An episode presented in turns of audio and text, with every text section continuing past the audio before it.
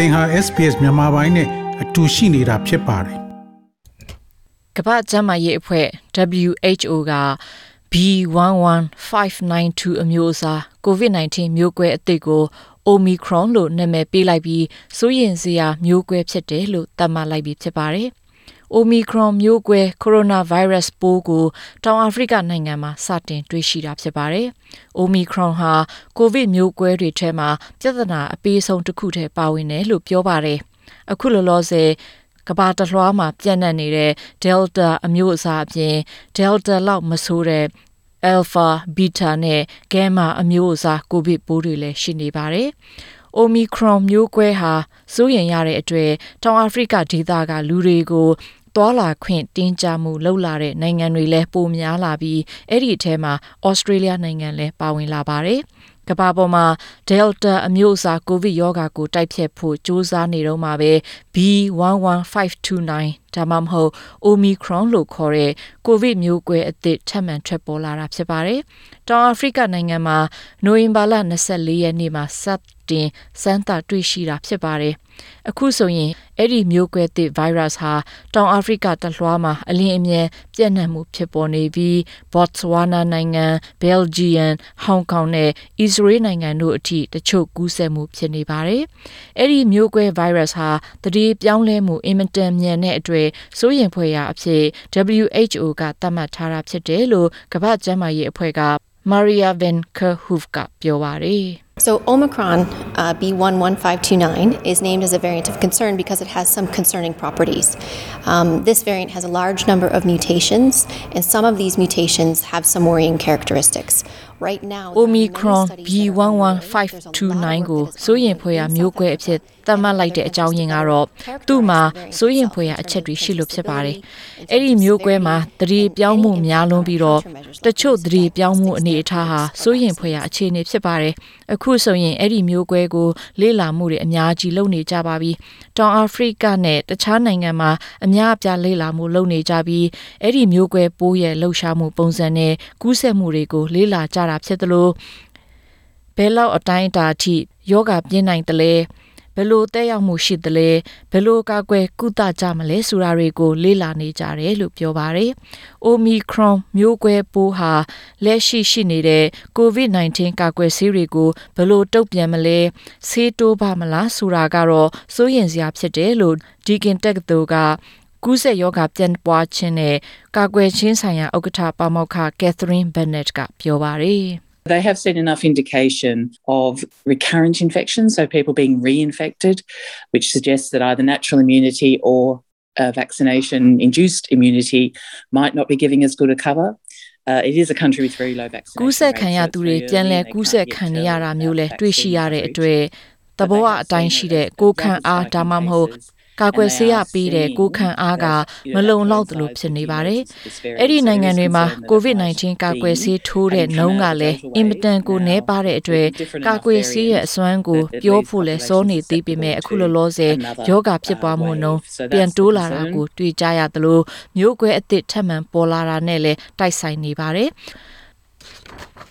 ဥရောပသမဂ္ဂ EU ထဲမှာ COVID-19 ကူးစက်မှုတိတိတတ်တာပြန်များလာတဲ့အတွက်ခီးသွားလာခြင်းပိတ်ပင်မှုကိုအရေးပေါ်လှုံ့ဆော်ကြဖို့နိုင်ငံ28နိုင်ငံပါဝင်တဲ့ EU နိုင်ငံတွေကိုဥရောပကော်မရှင်ဥက္ကဋ္ဌ Ursula von der Leyen ကတိုက်တွန်းလိုက်ပါတယ်။ We're taking the news about the new highly mutated COVID-19 variant very seriously. We do know that mutations could lead to the emergence and spread of even more concerning variants of the virus that could spread worldwide within a few months. It is now important that all of us in Europe act very swiftly တတိပြောင်းလဲမှုများတဲ့ COVID-19 မျိုးကွဲအသစ်ပေါ်လာတဲ့တည်နဲ့ပတ်သက်ပြီးအရေးတယူဆောင်ရွက်နေပါတယ်။တတိပြောင်းလဲမှုကနေပိုပြီးစိုးရင်ဖွယ်ရာကောင်းတဲ့ virus ပိုးပေါ်ပေါက်လာနေပြီးလပိုင်းအတွင်းတကဘာလုံးကိုပြန့်နှံ့သွားတာမျိုးဖြစ်နိုင်တယ်ဆိုတာကိုလည်းနားလည်ပါတယ်။ဒါကြောင့်ဥရောပမှာရှိတဲ့နိုင်ငံတွေအားလုံးအလင်းအမြန်ဆုံးဖြတ်ချက်တွေချမှတ်လှုပ်ဆောင်ဖို့အရေးကြီးပါတယ်။ဥရောပကော်မရှင်အနေနဲ့အဖွဲ့ဝင်နိုင်ငံတွေကိုတောင်အာဖရိကနဲ့ မျိုးကွဲ virus ကူးစက်မှုဖြစ်ပေါ်နေတဲ့နိုင်ငံကလူတွေကိုပြည်ဝင်ခွင့်မပေးတော့တာမျိုးအရေးပေါ်လှုံ့ဆော်ကြဖို့တိုက်တွန်းထားပါတယ်။အဲ့ဒီနိုင်ငံတွေကနေလေရင်ဝင်လာမှုကိုရဆိုင်လိုက်တင်ပါတယ်။ဒီမျိုးကွဲသည့် virus နဲ့ပတ်သက်တဲ့အန္တရာယ်ကိုကောင်းမွန်စွာနားလည်သဘောပေါက်တဲ့အထိခိတ္တဝင်ခွင့်ပိတ်ပင်တာမျိုးလုပ်ရမှာဖြစ်တယ်လို့ပြောသွားခဲ့ပါတယ်။အဲ့ဒီလိုပြောဆိုမှုကိုတောင်အာဖရိကနိုင်ငံကျန်းမာရေးဝန်ကြီးဂျိုး ဖဟလာကအမျက်ဒေါသထွက်နေပြီးတချို့နိုင်ငံမှာဆိုရင်သူတို့ထက်တောင် COVID-19 ကူးစက်မှုပိုဆိုးရတယ်လို့တုံ့ပြန်ပြောဆိုလိုက်ပါတယ် That's why we are saying that the reaction of uh, some of uh, uh, countries in terms of uh, imposing uh, travel bans and, and, and, and such measures are completely against တချို့နိုင်ငံတွေရဲ့တုံ့ပြန်မှုတွေခီးသွားခွင့်ပိတ်ပင်မှုတွေဟာကမ္ဘာ့ကျန်းမာရေးအဖွဲ့ရဲ့လမ်းညွှန်ချက်တွေနဲ့လုံးဝကိုဆန့်ကျင်နေတာတွေ့ရတယ်လို့ပြောသွားခဲ့ပါတယ်။ဩစတြေးလျနိုင်ငံကလည်းအာဖရိကနိုင်ငံတချို့ကလီယင်တွေကိုဝင်ခွင့်မပေးတော့ဖို့ဒီကနေ့မှပဲဆုံးဖြတ်ချက်ချလိုက်တဲ့အကြောင်းကျန်းမာရေးဝန်ကြီး Greg Hunt ကပြောပါတယ်။ the Australian government will be implementing additional precautionary border security measures uh, in order to uh, protect Australians whilst more is learnt about the nature and impact of the uh, Omicron variant of concern. First, effective ဩစတြေးလျအစိုးရအနေနဲ့နေဆက်လုံခြုံရေးဆိုင်ရာမှာတင်းကျပ်မှုတွေချမှတ်လိုက်ပြီဖြစ်ပါတယ်။ Omicron မျိုးကွဲ virus အကြောင်းလေးလာနေစေကာလအတွင်းဩစတြေးလျတွေကိုကာကွယ်နိုင်ဖို့လှုံ့ဆော်ခြင်းဖြစ်ပါတယ်။ဒီလိုသတ်မှတ်ချက်ကိုအခုချက်ချင်းချမှတ်လှုံ့ဆော်မှာဖြစ်တဲ့အကြောင်းလည်းပြောသွားခဲ့ပါတယ်။အခုဆိုရင် အာဖရိကတိုက်ကနိုင်ငံ၉ခုကလေယာဉ်တွေကိုဩစတြေးလျနိုင်ငံထဲဝင်ခွင့်မပေးတော့ပါဘူး။ဩစတြေးလျနိုင်ငံသားမဟုတ်တဲ့လူတွေလုံးဝဝင်ခွင့်မရပေမဲ့အဲ့ဒီနိုင်ငံတွေကနေဩစတြေးလျနိုင်ငံကိုရောက်ရှိလာနေတဲ့ဩစတြေးလျနိုင်ငံဩစတြေးလျနိုင်ငံသားတွေကတော့ချက်ချင်း14ရက် quarantine ဝင်ရမှာဖြစ်ပြီးနေအိမ်မှာဝင်ရမလားဟိုတယ်မှာဝင်ရမလားဆိုတာကတော့သူတို့နေထိုင်ရာပြည်နယ်နဲ့ဒေသရဲ့သတ်မှတ်ချက်အပေါ်မှာမူတည်တာဖြစ်ပါတယ်။ အဲ့ဒါအပြင်လွန်ခဲ့တဲ့နှစ်ပတ်အတွင်းအာဖရိကနိုင်ငံ၉ခုကနေရောက်လာတဲ့နိုင်ငံတကာចောင်းသားတွေအရေးချင်းပြည့်ပြည်ပရွှေ့ပြောင်းလုပ်သားတွေနဲ့တခြားလူတွေလည်းနှစ်ပတ်ကြာတီးတန့်ခွဲခြားနေထိုင်မှုလုပ်ရမှာဖြစ်ပါတယ်။ဩစတြေးလျအစိုးရအနေနဲ့ကြိုတင်ကာကွယ်တဲ့အနေနဲ့တင်းကျပ်မှုတွေကိုချမှတ်တာနားလည်ပြီးမဲ့အဲ့ဒီ၉နိုင်ငံကလူတွေကိုလုံးဝဝင်လာခွင့်မပေးတော့တာကတော့လွန်လွန်းတယ်လို့ Catherine Bennett ကပြောပါတယ်။ I don't think we have to close our borders. You know, we've seen very few cases so far reported from other countries.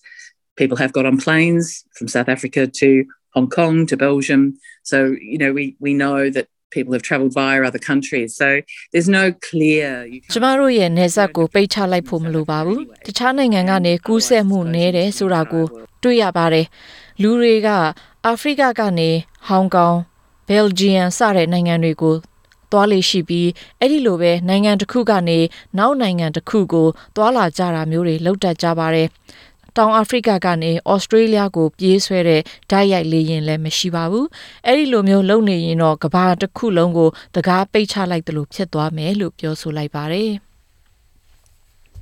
ဒီလိုအန္တရာယ်များတဲ့မျိုးကွဲ virus ကနေကာကွယ်ဖို့ကူးစက်မှုကိုထိန်းချုပ်ဖို့ဆိုတာ quarantine အတွက်တည်တံ့တိဆောက်ထားတဲ့ quarantine center မျိုးရှိဖို့လိုအပ်တယ်လို့လည်းသူကထောက်ပြလိုက်ပါတယ်။ဒီလို center တွေကိုစောက်ဖို့ Federal အစိုးရကရောပြည်내အစိုးရတွေကပါကတိတွေပေးထားတာရှိပေမဲ့အခုထိဖြစ်မလာသေးတဲ့အကြောင်းလဲဝေဖန်လိုက်ပါတယ်။